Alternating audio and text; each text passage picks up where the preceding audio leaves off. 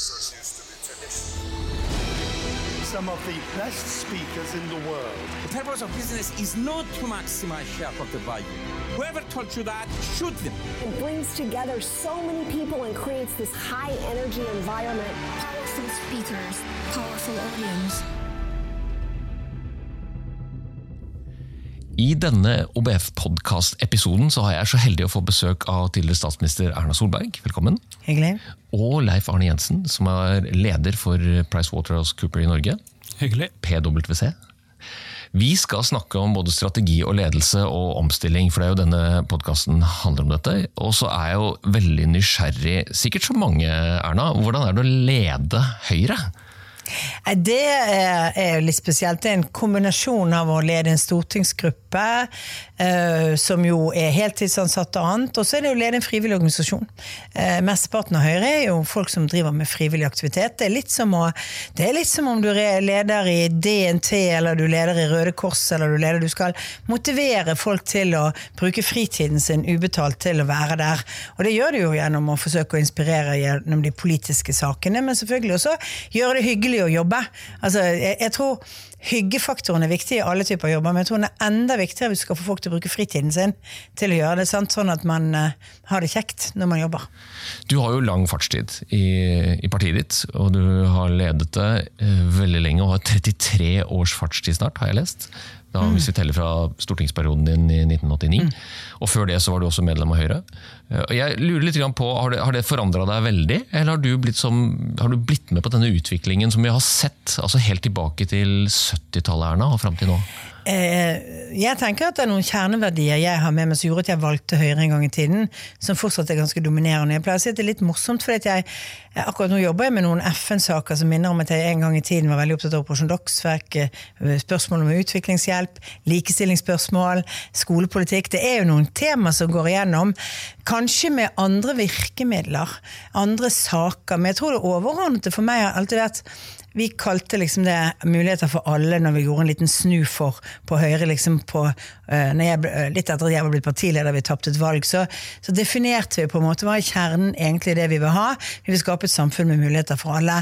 Og det tror jeg er veldig nært det jeg liksom har vært opptatt av, at, uh, at, at vi må ha et samfunn hvor folk kan bruke skaperkraften sin, men hvor folk som det, eh, som har en utfordring, også får muligheten til å strekke seg lengre og får nye sjanser. Og liksom Enkel filosofi høres veldig sånn, men det er litt viktig å tenke at det er overordnet, for det betyr veldig mye for virkemiddelsvalgene. Og da er de forskjellige i 1976, når jeg meldte meg inn i Unge Høyre, og de er i 2023. Men, men, det er noen ting som er, som er like i, i, i, innfallet. Men verden forandrer seg, og det tror jeg er noe av det aller viktigste å være obs på. Når verden forandrer seg, så må politikken forandre seg. Eh, men målene og verdiene dine forandrer seg ikke. Takk, Erna. Her var det mye å ta tak i. Leif Arne Kristiansunder, revisor, og jobber jo med disse 2300 superdyktige folkene og alle disse kundene, og gjennomfører årlige undersøkelser, ikke bare i Norge, men i egentlig den hele vestlige verden.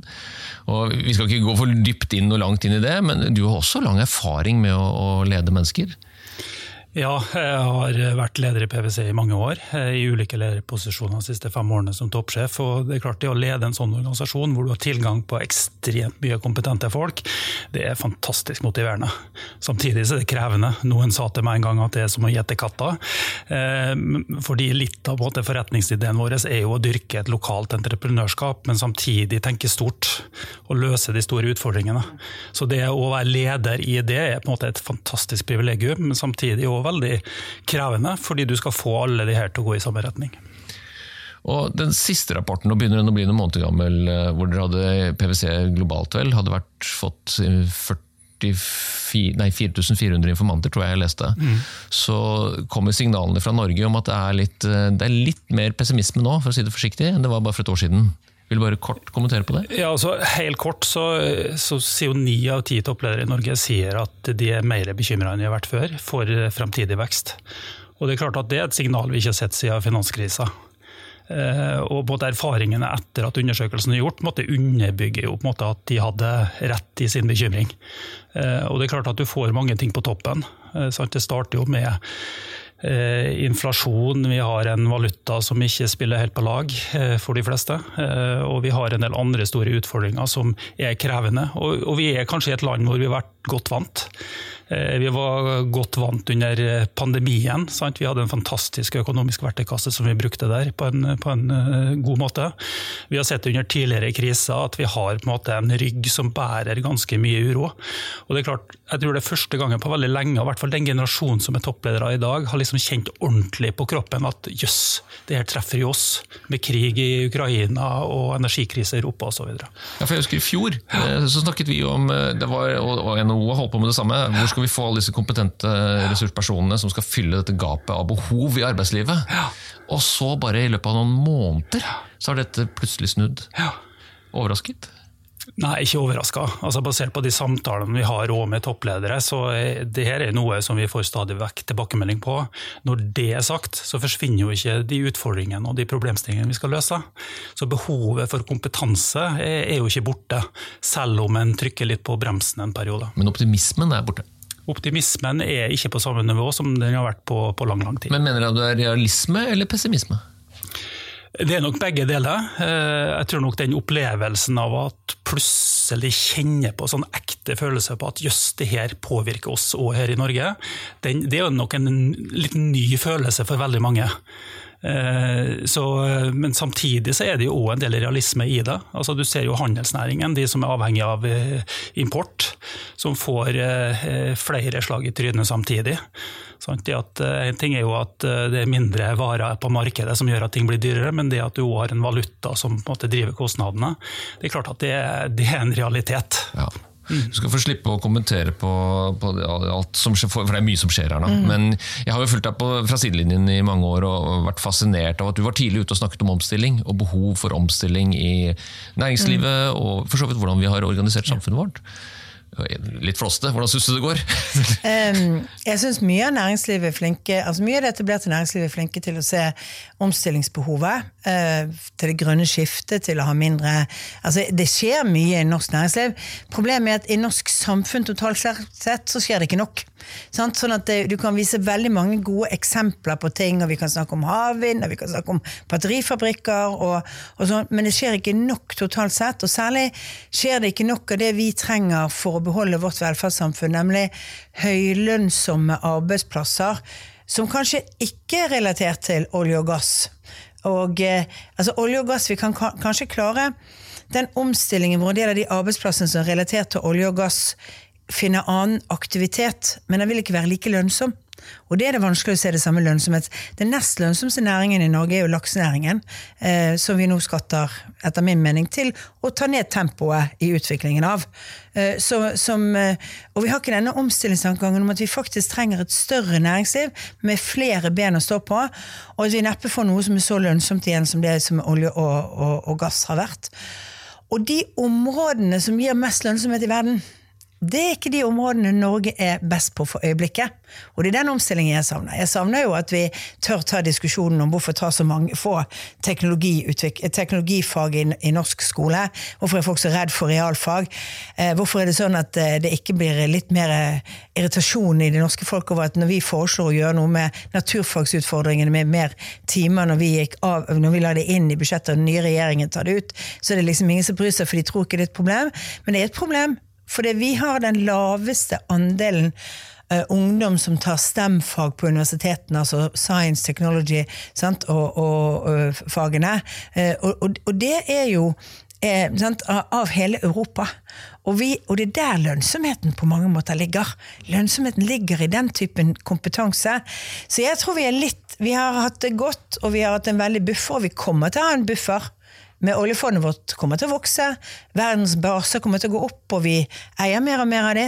Og det kommer til å gå litt opp og ned, og vi kommer til å føle at det er litt tungt når det går ned på børsene, for da har vi mindre handlingsrom. Men, men det der også sørge for at norsk økonomi tar omstillingen, den, den uh, syns jeg uh, ikke går godt nok. Og den det er kanskje sånn at vi, Hver eneste gang vi er gjennom en, en, en, liten krise eller stor krise, så tenker vi at dette løser seg, fordi det ofte har løst seg. Når vi var gjennom pandemien, var vi veldig opptatt av at dette kom til å kunne gå veldig dårlig. Da gikk vi jo inn fra statens side med en del nye tiltak og tok litt av regningen på forskning og utvikling og mer for bedrifter for å sørge at de ikke stoppet, stoppet det. Men eh, eh, jeg tror, eh, jeg tror Hvis vi ser på mye av den politiske debatten, velferdsprofitører f.eks., diskusjonen om, sant, altså, om satsingen på ulike områder. Nei, hvis, det, hvis, det, er lønnsomt, så er det suspekt.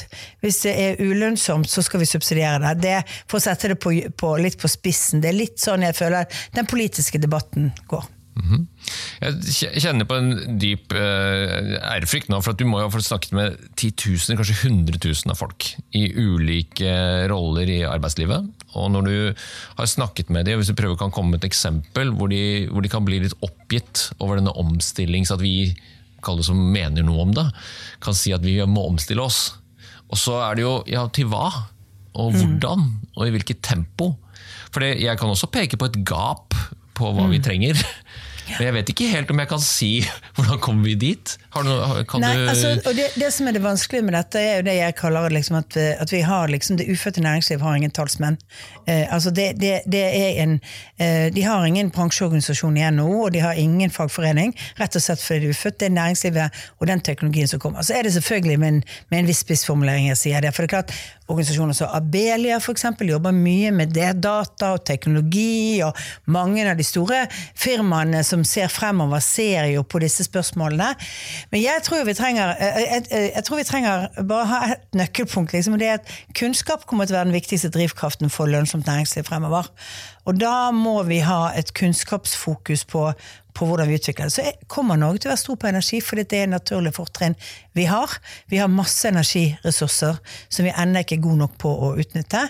Men da må vi tørre ha politisk mot til å utnytte de. Men i seg selv så er det jo ikke sånn at den typen energi gir samme lønnsomhet som olje og gass. Det, liksom, det kan berge jobbene i de næringene som er leverandørindustri til det, men det gir ikke samme lønnsomhet til det offentlige. Og der tror jeg egentlig vi burde jobbet mye mer med f.eks. innen krysspunktet privat og offentlig. Der er eh, mange flere, altså det offentlige som etterspørrer som krevende etterspørrer på ny teknologi og nye løsninger for å være med på å bygge opp et norsk næringsliv, absolutt viktig. Jeg har undervist i mange år på BI, jeg har aldri hørt høylønn som arbeidsplasser. Jeg, jeg, jeg, jeg, skjønner jo det, eh, og jeg lurer også på Hadde du hørt dette? Det er kjempefascinerende. Hvis vi kunne lært opp eh, den oppvoksende slekt til at her har du kompetansen, sånn gjør du det, og dette er bransjen eller næringene som kan gi høylønnsomme mm. arbeidsplasser? Ja, altså, jeg, jeg, tror ikke noen har eh, detaljerte løsninger. Eh, men det jeg tror er viktig for oss og som samfunn, det er jo at vi er enige om hva vi skal være ordentlig gode på. Og det å ta noen prioriteringer basert på et felles målbilde. Og så må vi på en måte slippe løs entreprenørskapet. da, Og skape rammer som gjør at det entreprenørskapet får lov til å utfolde seg. Og, det, det, der, er ikke, der, er vi ikke, gode i Norge, selv om vi historisk har hatt måte, bra rammebetingelser for å drive entreprenørskap, men vi har slitt med å måte, få det opp i skala og få det ut i verden. Jeg forteller noe veldig gøy, jeg har holdt på med dette i mange år, og disse Global Entrepreneurship Monitor-målingene burde vi egentlig skrote. Det mener jeg er veldig alvorlig, for de måler feil ting. De måler patent filed, som er en veldig eh, svak greie i Norge. De gjør det i Sverige og England og alt sammen Tyskland, og så kommer Norge dårlig ut. Men hva er det vi gjør, da? Vi er så få, vi snakker sammen, løser problemer.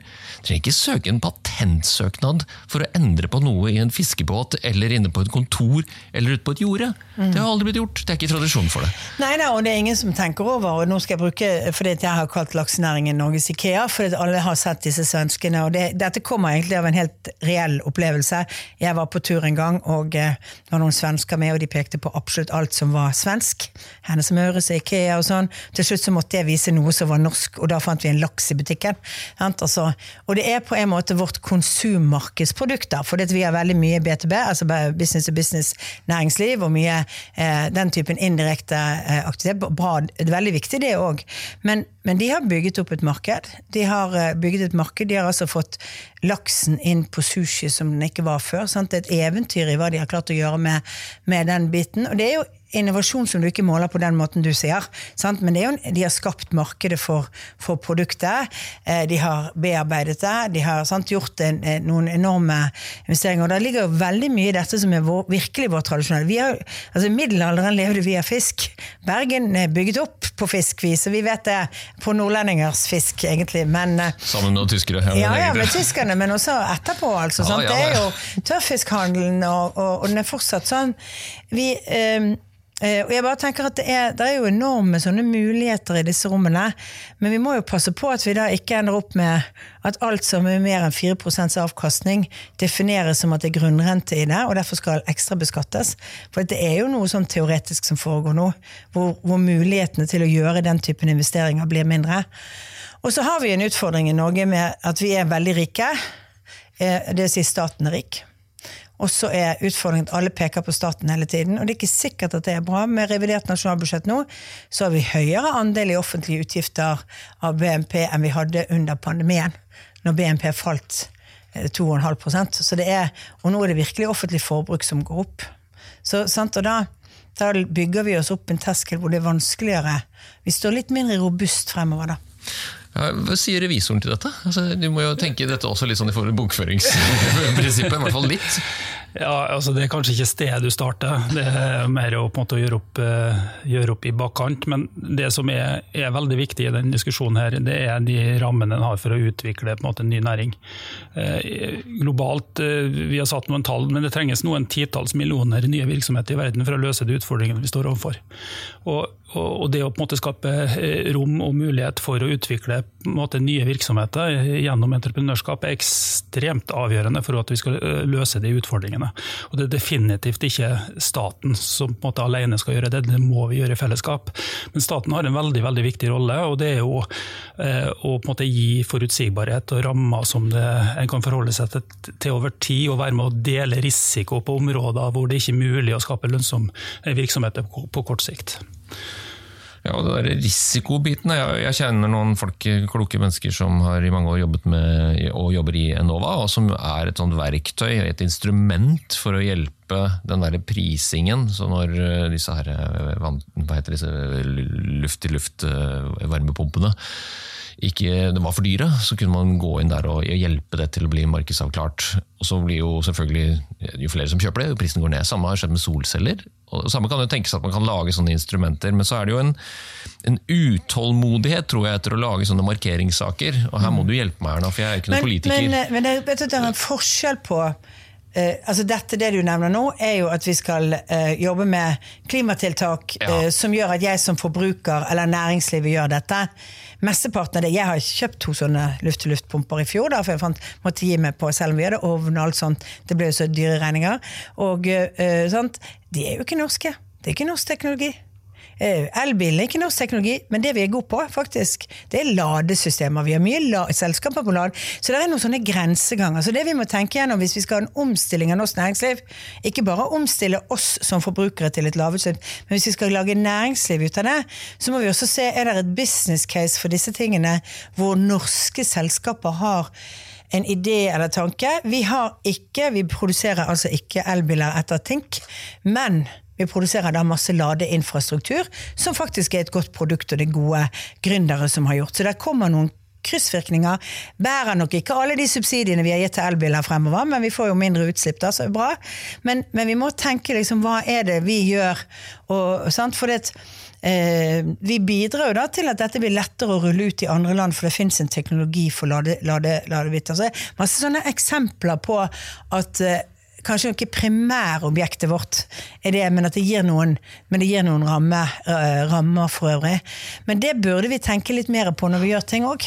kan gi dere en eh, fakta på et case dere bør sjekke ut. Det er Aon, som er Trønderenergi sitt heleide selskap, som nå utvikler mobile ladeenheter til byggeplasser. Og noen byggeplasser, offentlige byggeplasser har jo sagt at nullutslipp byggeplass skal være i 2025. Altså fem år før. Og det der kan du jo se for deg, Vi alle som har vært på en byggeplass, vet jo at den er ikke akkurat lagt til rette for at det skal komme masse konteinere og all maskinvaren skal gå på strøm, og det må lades. og Det, og dette er kjempespennende. Det er mye dyrere. Det er tre tre ganger så mye investering hvis du skal kjøpe gravemaskinene og, eh, og det andre. Det er tre ganger så høy investering som en diesel, og i tillegg må du ha laderen. Og Enova gir deg bare støtte til den graveren. Jeg tenkte jeg skulle grave meg ut av den. Nei, nei, jeg er veldig god på akkurat dette er, dette er jo en av de problemstillingene. Så, sant? så vi, å få ny teknologi, finne måter å lade på. Så syns jeg det er fantastisk å reise. Hvis du reiser inn og så eh, ser på disse Vision of the Fjords and Ocean og sånt, altså, som, som da skulle ha helelektrisk pga. at de skal inn i et verdensarvområde med turistbåter. Fantastisk turistbåt. Det er én meter rekkverk til alle 400 passasjerene på den. Veldig fin design. Eh, det ser litt rar ut som båt, men veldig fin design. Sånn, så de har tenkt på akkurat hva målgruppen er. Og så har de da laget rett og slett en sånn lade eh, Ikke en sånn vanlig ladestasjon som du har ellers, men de har rett og slett en, en powerbank som er stor nok til å lade båten. Fordi at inni Gudvangen så er det ikke spenning nok på det nettet til å lade den båten når den kommer inn, men der har du da denne her eh, powerbanken, og den flytter jo opp. Den ligger jo der sånn. Så, så det er masse sånn teknologi som utvikles av behovene. Så det, det tror jeg vi kan være ganske gode på. Maritim sektor tror jeg vi kommer til å være, være ganske ledende på å kunne etterspørre ulike løsninger.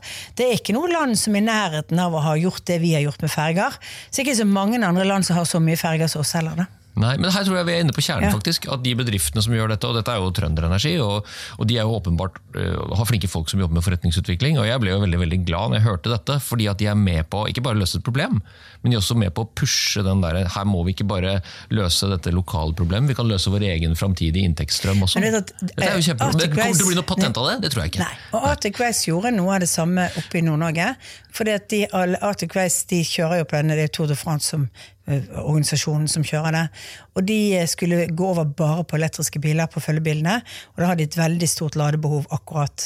Så de fikk jo de lokale strømselskapene til å lage mobile sånne ladeenheter. Sånn underveis i løpet? Sånn, sånn, un- ja, sånn på hver kveld, sånn at du kunne lade alle følgebilene eh, etterpå. Og sånn, så, det er jo sånn, så det er jo sånn samarbeid da med, med litt, litt krevende bestilling og en viktig eh, bit. Og som igjen betyr at når du mangler ladeinfrastruktur i Lofoten, når alle kommer med Teslaene sine under pandemien og skal på norgesferie, så kan de sette opp disse på den tiden av året når ikke, eh, når ikke Arctic Race går. Så kan de bruke det til å lade. Så det er mange sånne kryssvirkninger som er morsomme å se.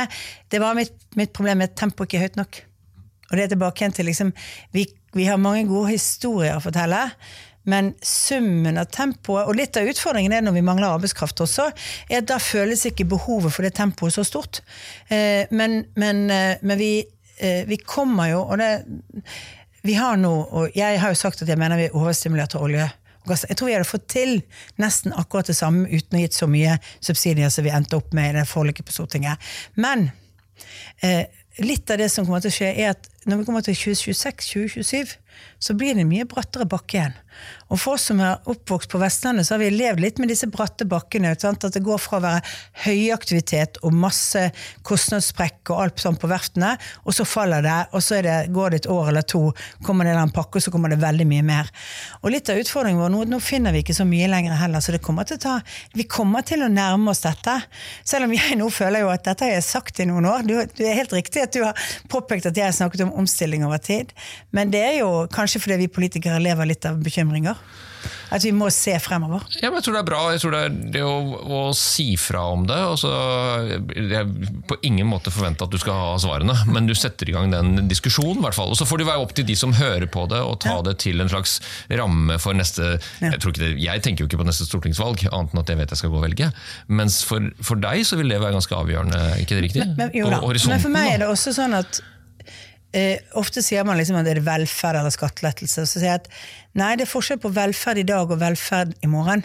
Altså våre barns velferd og dagens generasjons velferd. Og det er det vi egentlig må snakke om. Det vi gjør for å bidra til at vi får mer økonomisk aktivitet i Norge med høyere lønnsomhet, det bidrar til altså den omstillingen bidrar til velferd i morgen. Og det, eh, jeg, jeg syns av og til at, at det blir så enkelt å si at, eh, at det er, vi blir velferdskutt av å ikke Hvis vi gir noen skattelettelser eller lager noen bedre rammebetingelser eller et eller annet for næringslivet. Eh, Men jeg tror jo at eh, vi bør av og til snakke om at dette er velferd i morgen. Mm, takk. Og den skapes jo av eh, arbeid? Og løsninger. Ja, det, definitivt. Og igjen tilbake der med entreprenørskapet, som er ekstremt viktig å stimulere.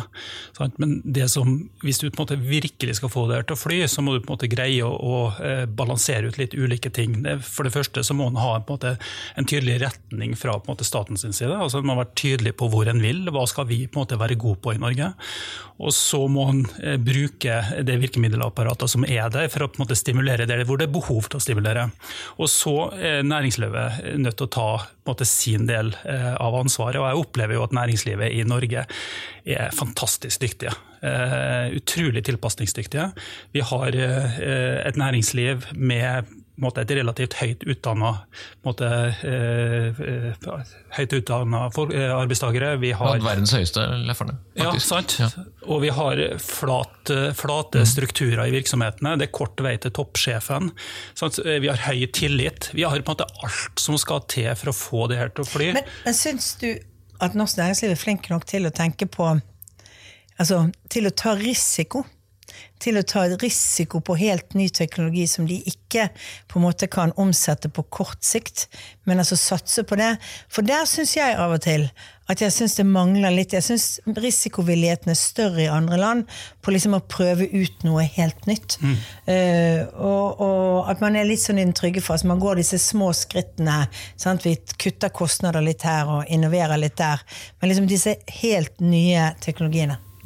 Ja, altså, Jeg er i utgangspunktet helt enig med deg. Eh, det er ikke noe tvil om at i en, måte, hverdag hvor du skal drive en virksomhet, eh, hvor du skal gi avkastning til eierne, så er det veldig lett for at du blir veldig kortsiktig drevet.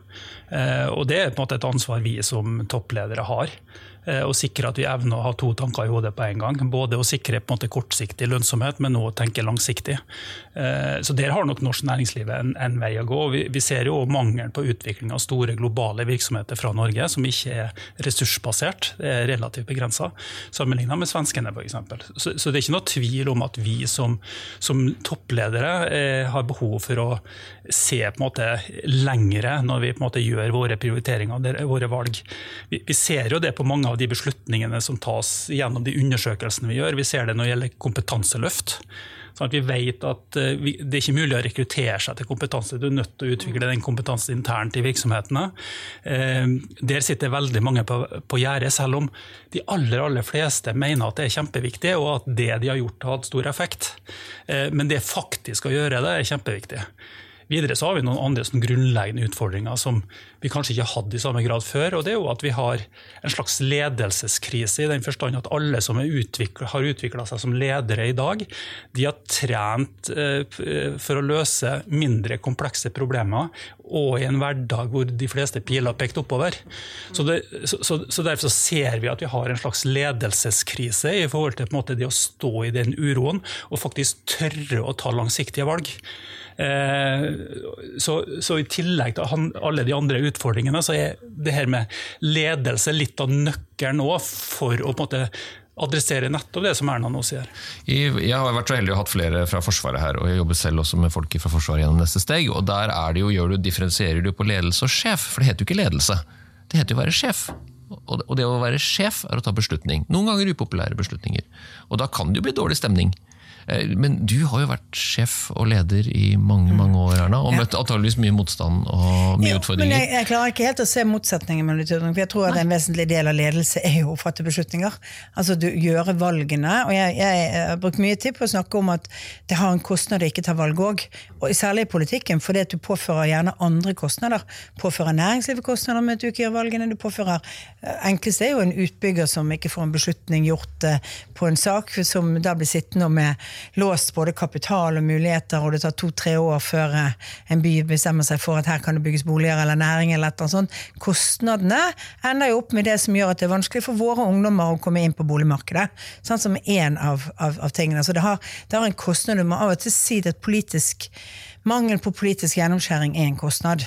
Uh, og av og til må, må du veie da uh, det faktumet at uh, altså, kostnaden du påfører andre, mot å være 100% sikker på at det er riktig beslutning du fatter. Av og til beslutning i seg selv bare viktig, viktig å gjøre.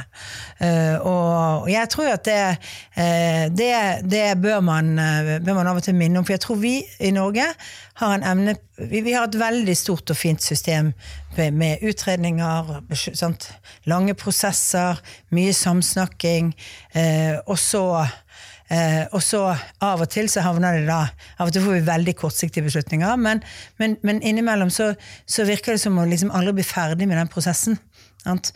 Og det, det tror jeg er litt av utfordringen. Akkurat nå så er nesten alle forslag til forbedringer på næringssiden i Norge når det gjelder store industrietableringer, er jo å, å samkjøre prosesser istedenfor å gjøre de etter hverandre. Eh, og det burde vi jo sannsynligvis ha gjort for lenge siden. Da hadde vi klart å bygge ut mer kraft, og vi hadde klart å bygge ut mer boliger, og vi hadde klart å bygge ut eh, eh, sannsynligvis også legge forholdene bedre til rette for næringslivet. Men det ville betydd at noen følte at de fikk for liten tid til protestene til innsigelsene sine, og til å bearbeide spørsmålet. Jeg tenker, altså I næringslivet så, så, så tenker jeg der òg er behov for å få tatt beslutninger. Men det er jo måten vi tar beslutninger på, reisen frem til en beslutning som er kanskje annerledes enn den har vært. Altså Både i forhold til behovet for involvering. Altså Kompleksiteten i problemstillingene er mye større. Det er mye mer fagområder som trenges for å gjøre en vurdering.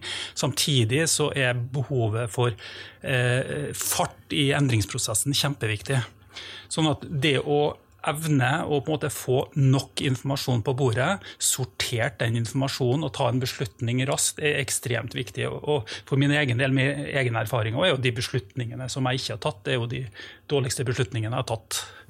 Og, og, så, så, så det er bedre å ta en ikke fullgod beslutning, og heller gjøre om på den beslutningen, sånn at ikke du putter prestisje inn i beslutningen. Men det som er krevende nå, og det ser vi jo, vi gjorde en internasjonal undersøkelse blant de store virksomhetene globalt her like før jul, og, og en av de resultatene der er jo at det krever omtrent involvering av dobbelt så mange av senior ledere i en stor beslutningsprosess nå enn de gjorde før pandemien. Aha. Ja, og, og, og det er klart at det er ganske interessant, og det sier noe om kompleksiteten. At du kan ikke løse ting i siloer lenger, du er nødt til å løse ting på en måte integrert. Og det å løse ting integrert, det krever eh, andre beslutningsprosesser. Mm. Men det å kunne ta beslutning raskt nok er fortsatt like viktig, men det er bare mye mer krevende. Og du er jo kjent for å være pragmatisk og lytte, men også Mm. ta beslutninger. Det er det de sier om det Erna. Eh, Om andre mange fine ting. Kjenner du deg igjen i dette? At kompleksiteten Jo, har økt? kompleksiteten er veldig viktig. Jeg, altså, um, forhåndsprosedere mot, en- mot koronakommisjonen, den forrige rapporten deres, som mente at vi hadde tatt for mange saker opp til regjeringen. Og det, det var jo Da må jeg sett um, Det var vi ganske bevisst på at vi var mer effektive enn noen annet ledd i systemet. Og det var, um, og det var av og til sånn at For det, der er så mye sånne som sitter på stuene sine og ikke vil helt gi seg, og ikke har Og så tenker de liksom at de sitter der og fekter mellom sine ulike interesser. I regjeringen så må det trekkes en beslutning. og Derfor tok jo vi mange beslutninger når det var tidskritisk. Så sa vi at istedenfor at dere holder på og, og, og jeg opplevde jo å komme til saker som også før min tid hadde gått i år mellom departementer, hvor man ikke hadde, hvor man var uenig, og så var det ingen politikere som hadde orket å løfte det. sånn. Så vi sa vi må løfte saker, og så må vi bli ferdig med dem. Og under pandemien var det helt nødvendig, fordi at, eh, for rett og slett å få gjort tingene raskest mulig. Og det har jo noe med at hvis du sitter med ulike interesser, og de interessene skal avveies, så må noen avveie de interessene. Og det er ikke alltid du klarer å få folk til å gjøre det kompromisset seg imellom i en enkelt sak. Sant? Mellom om det er Finansdepartementet og et annet departement, eller, sånn, eller flere departementer om, om hvordan du gjør det. Og da hender det at det er bare der de som faktisk sitter med makten på toppen, som kan gjøre den beslutningen og skjære igjennom i sånne saker. Burde kanskje vært unødvendig. eh, og eh, Eh, og bare trusselen om at regjeringen ville fatte beslutningen og ville skjære igjennom i en konflikt, gjorde jo av og til at de kom til enighet. Ja, men Hvis jeg hadde jobbet i et eller annet eh, perifert eh, utvalg som du hadde ansvar for, så kom jeg til deg for tredje gang, og, og gi meg ikke. Hva sier du til meg da, Erna? Eh, når jeg var kommunalminister, så hadde vi den regelen at det går an å anke én gang. Akkurat. Ja. Eh, Men da er det ferdig. Og du kan få lov å legge, Hvis du er uenig i påskriften fra statsråden, så kan du komme inn igjen og så få gå muntlig igjennom og sånt. Men du For kan anke her én er vi ved kjernen, ikke sant? Sant? For det går og går ja, og går. og går, og ikke sånn. Og det er, eh, så er det selvfølgelig klart, du må ta hensyn til hvis det kommer innvendinger om at vi ikke har lovhjemmel, eller andre saker. Men jeg har jo vært igjennom noen saker hvor Jeg har opplevd at det er bare meg og en-to andre som har ment at dette er fullt mulig å gjennomføre. Eh, Og EØS og alt mulig sånt er hevet opp i luften av embetsverket og andre politikere. Så har det vært en runde med ESA, og så har det gått helt fint. Så det er jo sånn eh, Av og til blir man litt eh, overbeskyttende på sånn Kanskje man ikke vil, da. Det er ikke alltid man vil i embetsverkene heller. Men dette var ikke bare embetsverk. Det var opplest og vedtatt eh, gammel tankegang. Det gjelder også alle, antageligvis. Ja. Ja. Og så, så tenker jeg det at før mye ta beslutninger, så må en være enig om hvor en skal. eh, Og hvorfor en skal dit. For da det er så mye lettere å på en måte hekte en beslutning på, eh, enn om du på en måte ikke vet helt hvor du skal. Eh, Og hvis du på en måte driver og treider på en måte ulike innspill hele tida uten å på en måte vite hvor du skal, så bommer du jo. Da hjelper det ikke å ta beslutninger. Og det er jo fryktelig vanskelig nå, med geopolitikk og med teknologi og natur- og miljøutfordringer og en sånn uavklart forståelse av ja, hvor stort er dette gapet i ferd med å bli. Og så er vi jo, vi kommer fra en situasjon vi er ganske godt vant. Ja. Ja. Vi er godt vant til å ha god tid, og vi er godt vant til at eh, det ordner seg likevel. Altså, det er en av mine favorittsanger, 'Det ordner seg'. Det er sånn, den, den er veldig fin, men det, det er ikke alltid at det ordner seg uten at du gjør noe. Det, er, eh, det er en del problemer du ikke trenger å ta, altså, som går over av seg selv, men, eh, men det er en del ting som ikke gjør det. Og, og vi er nok litt vant til det. Vi kom eh, veldig mye bedre ut av pandemien. eh, Kanskje, og det mener jeg vi gjorde fordi vi hadde egentlig en veldig god beredskap i bånn. Vi hadde god tillit til det norske folk. Folk hørte på rådene, oppførte seg sånn. Og næringslivet fikk de hjelpen som gjorde at de bunchet tilbake igjen ganske raskt. Og, og så var vi jo heldige. Eh, fordi vi hadde litt fleksibilitet i systemet. Det var jo sånn at De mest ihuga motstanderne av private løsninger i helsevesenet eh, snudde seg rundt og ba doktor drop-in og eh, leger på hjul, eller hva de heter, sant, om å hjelpe til, og brukte alle ressursene rundt omkring som fantes av sosiale entreprenører og annet for å gjøre noe. Eh, sant? Så når krisen er der, så forsvinner jo kanskje ideologien òg. Og så viser det jo en fantastisk omstillingsevne. Ja, altså, du så eh, hvordan vi på en måte løste vaksinesituasjonen, du så eh, hvordan vi måte, fikk alle på hjemmekontor. Altså, vi, eh, I PwC-nettverket så var vi eh, nesten 300 ansatte over på hjemmekontor i løpet av en natt. Eh, på en måte med digitale løsninger osv. Så, videre. så, Men jeg så tenker, evnen jeg tenker på de lærerne som altså Elevene kom tilbake igjen på skolen fredag morgen etter at de var blitt sendt hjem på, tors, eller på fredag morgen når de var hjemme, og fikk opplegg. Og dette gjorde de helt frivillig. Det gjorde de i nettverk. Sant? En enorm sånn sant? Dette skal vi klare, dette går. Sant? Nå har eh, sant? eh, Elevene skal være hjemme, her kommer timeplanen. Og her er den digitale løsningen. og sånt. Så dette eh, for det, Unnskyld at jeg sier at det er liksom sånn, det, det, PwC så er det jo viktig at dere får på inntekt og kunder og alt sånt. Lærerne ville fått lønnen sin uansett, men de snudde rundt. Og det viser jo også at vi må passe oss for å late som at, som, sånn, eh, eh, at eh, kreativitet og innovasjon sånn bare skjer i, i f.eks. privat sektor. Det er masse som skjer i offentlig sektor. Mange gode folk som har lyst til å gjøre ting på en annen måte. Men det var spennende å se. Eh, spennende å se fra den minste restauranten som ble takeaway til eh, Og det var noen som klarte å snu seg på det. Noen som ikke klarte å snu seg på det. Apropos det, en sånn liten historie. Jeg var, jeg, var besøkte en restaurant fordi det var en norsk bartender som jobbet i New York. Så jeg ble dratt der på besøk i siste høsten når jeg hadde tapt valget. Innom da jeg var i, FN for å høre om hvordan det hadde gått med restauranten i pandemien. De hadde til og med fått lov å lage drinker på boks, og lage sånn boksemaskin med drinker og sånt. Det hadde de fått lov å levere på, på takeawayen for å opprettholde sånn barene også kunne opprettholde. Så der fikk du det. Og så ble jo det fjernet. Nå er det tilbake igjen. For det var blitt så populært at nå var det et folkekrav om at du kunne få lov å få drinker på takeaway også. Jeg bare lyst til å nevne et annet eksempel. Og, og det jo, vi har jo virksomhet i Ukraina. Eh, Ja. Vi har eh, 800-900 ansatte. Omsetningen i den virksomheten eh, fra eh, krigens utbrudd og ett år frem var like høy som året før. I et land som, hvor store deler av landet er bomba sønder og sammen, og hvor de hadde hjemmekontor mer i bomberom enn de hadde noe annet sted. Så det viser bare på en måte hvilken enorm omstillingskraft som ligger der, så lenge du på en måte har noe felles, et felles mål å, å jobbe mot. Eh, så, så, så, så det er jo det som gir meg på en måte virkelig tro på at Det det er mulig. første, første gangen jeg har opplevd at det kommer flyktninger, det har kommet veldig mye barn. Veldig mye, altså Den største barneflyktningkrisen, altså med mødre, da, som vi har hatt. Og de kommer til Norge, og de har et skoleopplegg med seg. De har tilbakemeldinger. Jeg, jeg, traff en gruppe med de, de satt og jobbet eh, sammen med ulike nivåer fra ulike skoler, og sendte oppgaver tilbake til en lærer som satt i Ukraina og fulgte.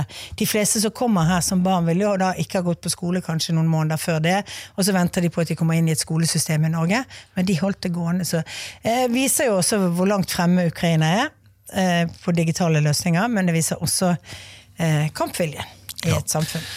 Det er, det er mange ting vi kan plukke ut av dette med, med omstilling. Det er stort sett det vi har snakket om. For det, og så hadde jeg lyst til å bare helt på tampen her, prøve å utfordre litt på dette. Et annen tematikk da, av alle ting man kan snakke med dere to om, er dette med tillit. Og tillitsbegrepet har blitt løftet fram av flere som mener ting. Om at tilliten er på vei ned, og at det er liksom, liksom tillitskrise, og at det er liksom generasjonsutfordringer. Hva er ditt uh, syn på det, Leif Arne? Altså, vi, vi, vi, har et uh, samarbeid bl.a. med Edemann, som lager det årlige tillitsbarometeret, Trust Barometer. Uh, så i en global kontekst er tilliten på vei ned. Og det som er Utfordringen er jo at det er flere som har mistillit enn tillit til de ulike institusjonene. Og da snakker vi om eh, eh myndigheter. Vi Hvor stor prosentandel snakker vi om? Nei, Vi snakker om over 60% Globalt, ja. ja, globalt. Ja, ja, Så i en global kontekst er tilliten på vei ned. Det som, det, på en måte, den ene kaller institusjonen som opprettholder tilliten, er faktisk næringslivet. Og da spesielt arbeidsgiver er veldig viktig. Mens myndigheter, eh, media, eh, sliter med måte, tilliten, og i noen av de landene vi sammenligner oss med, som, og kanskje spesielt USA, men òg europeiske land. Og det er klart at det her er en kjempestor utfordring og er en krise i en global kontekst. Og det er en krise i en del av de nær, våre næreste allierte. Eh, hvis vi kommer til Norge og Norden, så er jo eh, tillitskapitalen kanskje det som har størst verdi. Det gjør at vi samarbeider godt, det gjør at vi finner løsninger sammen. Det gjør at vi eh, smører prosessene, gjør prosessene mer effektive. Så, vi, så, så tillitsbasen er bare et helt fantastisk konkurransefortrinn for oss her. Det vi derimot ser, det er jo at eh, vi ser jo òg eksempler på at tilliten er under press her. Og, og, hva er det som skaper tillit? Eh, jo, da er du inne på sånn kjerneting som integritet, at du er konsistent i atferd osv. Vi ser jo òg tendenser her til at eh, synsing blir, kledd inn som om det er fakta osv. i Norge, og i samfunnsdebatten i Norge. Så, så, jeg tror vi skal være litt på vakt. Og for en som på en måte leder det største revisjonsmiljøet i, i Norge og i verden, Eh, så ser vi at behovet for å ha aktører som faktisk bidrar til å snu den trenden, er så ekstremt viktig. Det at vi nå òg får ikke-finansiell informasjon inn i regnskapene etter hvert, det gjør òg at vi har en, en verktøykasse som gjør at vi kan fortelle hele historien. For hva er et regnskap? Regnskap er en historiefortelling. Det forteller om hvordan du har skapt verdiene dine, og det, skaper, måte, det forteller om hvilke verdier du har skapt.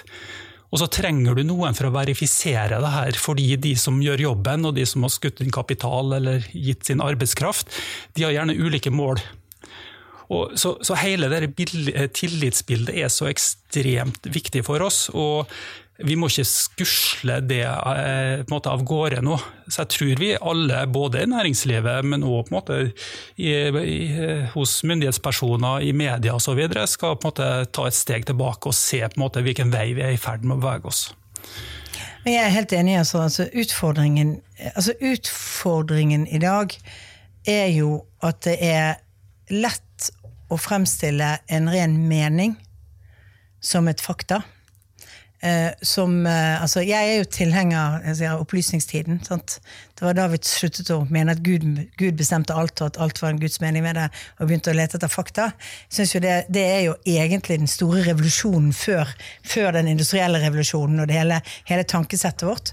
Og den, det tror jeg faktisk er en ganske viktig ting å minne om, om, om, om fremover. Men det er så mange bruddstykker, det er så mange små Og du tar deg jo selv i av og til å ha lest en overskrift et sted, og så har du ikke lest artikkelen, du har bare sett og sånn. Jeg ser jo veldig i politisk debatt at, at jeg ender jo opp at til stadighet så er det en eller annen eh, clickbait-overskrift av et eller annet du har sagt, som da eh, ikke stemmer med det du egentlig sier, men som er eh, og som da går sin seiersgang eh, fra dine politiske motstandere eller annet. Og, og jeg tenker jo at det sier noe om at vi skal bevare tilliten, så må vi også ha, en, ha et offentlig ordskifte som, som dreier seg om, om eh, forskjellene våre, men ikke karikeringene av de meningene andre har. Og der tror jeg vi politikere har et ganske stort ansvar. Og det er ikke bare de som, altså, og det ansvaret går i små og store saker. Altså det er, er, er bildet du tegner av andre, at du er ganske viktig. Uh, og du, hvilket bidrag du har til å bygge opp tillit. Så tror jeg at vi har et potensial. Så må jo selvfølgelig vi som politikere også oppføre oss, altså vi må være tilliten verdig. Og det har vi noen saker som ikke har vært bra nok håndtert av uh, Eller med, med, ting som oppleves som urimelige. Og det, det, bidrar jo også til at tilliten går ned. Men vi har heldigvis bedre tillit enn i de fleste andre land. Og så uh, tenker jeg at den, det, er en, det er en hjemmelekse alle må gjøre. Og vi må slutte slutte å altså, det å la seg Altså det å bidra til en veldig polarisering i vanskelige og betente debatter, det er også å gjøre Norge litt mer åpent for angrep. Det er jo egentlig det det er det russerne spilte inn i 2016-valgkampen i USA.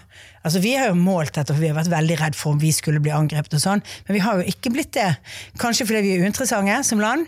En lite, smått land uten så stor betydning. Kan jo ta den biten. Eller kanskje fordi det er ikke så mye polariserende å, å spille på. Men det er jo det hvis vi, hvis vi lager vrangebilder. Og jeg er tilbake igjen til velferdsprofitører og liksom tar de rike og den typen retorikk som jeg oppfatter som å være med på å skape en polarisering som, som sikkert vi på andre siden også gjør i noen saker. Men, men jeg tror, tror, det er viktig lærepenge å huske. Jeg er veldig glad for at vi er innom dette, for jeg er helt overbevist om at dette er en av nøklene til å få til bl.a. omstilling, og at man kan trekke i samme retning og bli enige om noen felles prioriteringer, og så kanskje det aller vanskeligste velge bort. Altså Det er en del ting vi må slutte mm. å gjøre. Og så kommer jo det til å skape mye støy. For folk har jo lyst til å fortsatt få de lønningene og få gjøre de arbeidsoppgavene, og ikke minst få lov til å holde på sånn som de opplever det gode liv er og skal være. Og jeg har nok tenkt mange ganger at når folk blir sinte og kjører følelsesargumenter, og som fotballmetaforisk tar mannen, eller damen, og ikke ballen, så er det jo fordi at de er redde. Fordi de mangler faktagrunnlag, eller de mangler et eller annet, så blir de emosjonelt eh, hauset opp og holder på. Og da får de også oppmerksomhet. Ja. Og så får de denne responsen, og da tror de jo selvfølgelig at de har rett. Også hvis du er utrygg på om du beholder jobben, hvis de endringene skjer, hva kommer til å være. Sant? Det vi har muligheten til i vårt samfunn, det er jo faktisk å gi folk trygghet i videreutdanning, etterutdanning, gjøre andre ting. Folk må være med på den omstillingen, men at du skal ha tryggheten til at det har vi. For det kommer jo til å være noen jobber som forsvinner. Det har det alltid vært. Vi har veldig lite tek, tek, tekstilindustri igjen i Norge. Vi har veldig lite skoindustri igjen. Vi har Aurland sko og kanskje et par til, og Dale fabrikker og Oleander og sånt. Men, ja, ja, det kommer jo med mer sånn sying hjemme og alt mulig sånt. Men Eh, jeg tror ikke det kommer en sånn storstilt industriproduksjonsbiten. Eh, men poenget er at denne, disse forandringene har skjedd hele tiden. Eh, og det er viktig å, å huske. Jeg husker at Ekornet sa til meg en gang han sa det, nei, nei, vi, vi skal være konkurransedyktige på, disse her, på, på, det vi produserer. Og alt sånt. Og det skal vi gjøre med økt produktivitet. Så vi, vi, har ikke bemannet noe ned selv om det har vært, men vi har fordoblet produksjonen vår på de folkene som er her, i snitt. Sant? Og så har vi ansatt litt flere. Og det er jo liksom veien. Men, men gi folk trygghet i den omstillingen tror jeg er ganske viktig for å få til omstillingen. Og så tenker, tenker jeg at uh, en ting som, og der uh, bør jo vi se oss òg uh, i speilet, det er jo at jeg husker fra den tida jeg studerte, de, de, dyktigste foreleserne var de som greide å formidle et veldig komplekst tema enkelt. Eh, vi har vel nesten tilbøyeligheten til det motsatte av og til. Eh, vi bruker masse ord og uttrykk som på en måte skaper avstand. Eh, og for en som på en måte representerer et revisjonsmiljø som, som, som lever av den historiefortellingen, og, og kanskje òg vært med å fremme et komplekst budskap, jeg vil slå et slag for forenkling av kommunikasjon når vi snakker om klimautfordringer og halvannengradersmål osv., så, videre, så blir ting veldig teknisk, og det tar ut avstand. Vi sliter med å folk med. Fordi når du skal gjøre store endringer, så er det i hvert fall en grunnleggende forutsetning at folk skjønner hvor vi kommer fra. eh, De skjønner rasjonalet og hvor, hvorfor vi gjør ting. Men når vi pakker ting inn i kompleksitet, så er jeg redd for at vi mister veldig mange, og vi gjør omstillingen mye mer kompleks og mye mer krevende enn nødvendig. Så det, så, så det er en sånn oppfordring eh, først og fremst til meg sjøl og mine kollegaer, men òg til alle andre, og ikke minst politikere òg, i, i eh, den samfunnsdebatten og i det ordskiftet som går. Eh, og så må ikke det tippe over i banalitet og osv., men, men det må gjøres på en skikkelig måte. Men det å forenkle kommunikasjon tror jeg òg vil gjøre det mye lettere å få folk med. Og så tror jeg det er forskjell på, på eh, Altså Det spørsmålet alltid kommer til å være vanskeligst, klarer vi å holde på oppmerksomheten til folk fremover? Eh, Bill Clinton sa til en gang at vet, politikk er blitt så komplisert at det må forklares. Eh, Det er alltid litt dumt, men det må forklares, og da må man forklare det. Istedenfor bare å komme med slagord. Dessverre, det var, det var, det var, da hadde akkurat eh, Donald Trump vunnet Make America Great Again, så jeg er ikke helt sikker på om han var riktig, men jeg tror jo at i et samfunn som Norge, så må vi forklare politikken. Altså at folk forstår hvorfor vi gjør tingene, eh, og, og komme litt bak de der forenklede slagordene. Jeg er veldig takknemlig for at dere har tatt dere tid til å dele innsiktene deres og tankene deres rundt det ufødte næringslivet og slippeløs entreprenørskapet. Og det at vi må Vi, vi har jo verdens beste utgangspunkt, og være litt sånn omforent om det. Og, og den der øvelsen og litt sånn spagaten vi står i nå, er kanskje ikke så Det, det er ikke nødvendigvis en krise, dette. Vi kan bare sette i gang. Og så trenger vi jo tydelighet. Jeg tror det er egentlig det vi kan være enige om. At hvis det er tydelig forklart, så er det også lettere å få med seg folk. Og så er Vi jo enige, vi skal jo også være uenige noen ganger. Vi trenger den meningsbrytningen. Vi trenger jo litt sånn der, at Det er noen som har en annen oppfatning av noe, så skal man bli nysgjerrig på det. Ja. Det er ikke så? Ja. og det å være nysgjerrig på annerledeshet er utrolig viktig. Jeg snakka litt om ledelsesutfordringene vi står oppe i i dag. Eh, Det handler jo om å være nysgjerrig på annerledes og prøve å forstå på en måte hvordan andre tenker. Og Vi har en generasjon nå som kommer opp som tenker helt annerledes enn meg, andre prioriteringer. Eh, Er vant til å fokusere mye kortere tid enn hva jeg var vant til osv. Så, videre. så Så det å på en måte faktisk prøve å forstå det, eh, fremfor å, å på en måte skyve det fra seg, er noe av det viktigste vi gjør. Eh, Og det er klart Skal vi løse de store problemene vi står overfor med den kompleksiteten, så trenger vi den annerledesheten. Vi trenger folk som er forskjellige. Eh, Og vi ser jo mange av de fantastiske historiene fra Norge med fantastisk entreprenørskap, så ser vi jo at det er folk som òg på en måte tør å tenke annerledes enn menigheten. Vi er jo egentlig gode på det. Takk, Leif Arne. Og takk, Erna, for at du den gangen eh, valgnatten i september i forrige stortingsvalg i 21 ikke sluttet. Eh, Det var nok mange som trodde det. At du holder på, og at du, du med din klokskap og ro, og også dine kollegaer i andre politiske partier, prøver. Vi er jo helt avhengig også av dere. At dere prøver å vet, dette legge opp fyrtårnet. dette landet trenger arbeidskraft, så vi må bare stå på jo eldre vi blir. Du må holde på lenge, da. Ja. Tusen takk begge to, og lykke til videre. Some of the best speakers in the world. The purpose of business is not to maximize shareholder value. Whoever told you that, shoot them. It brings together so many people and creates this high energy environment. Powerful speakers, powerful audience.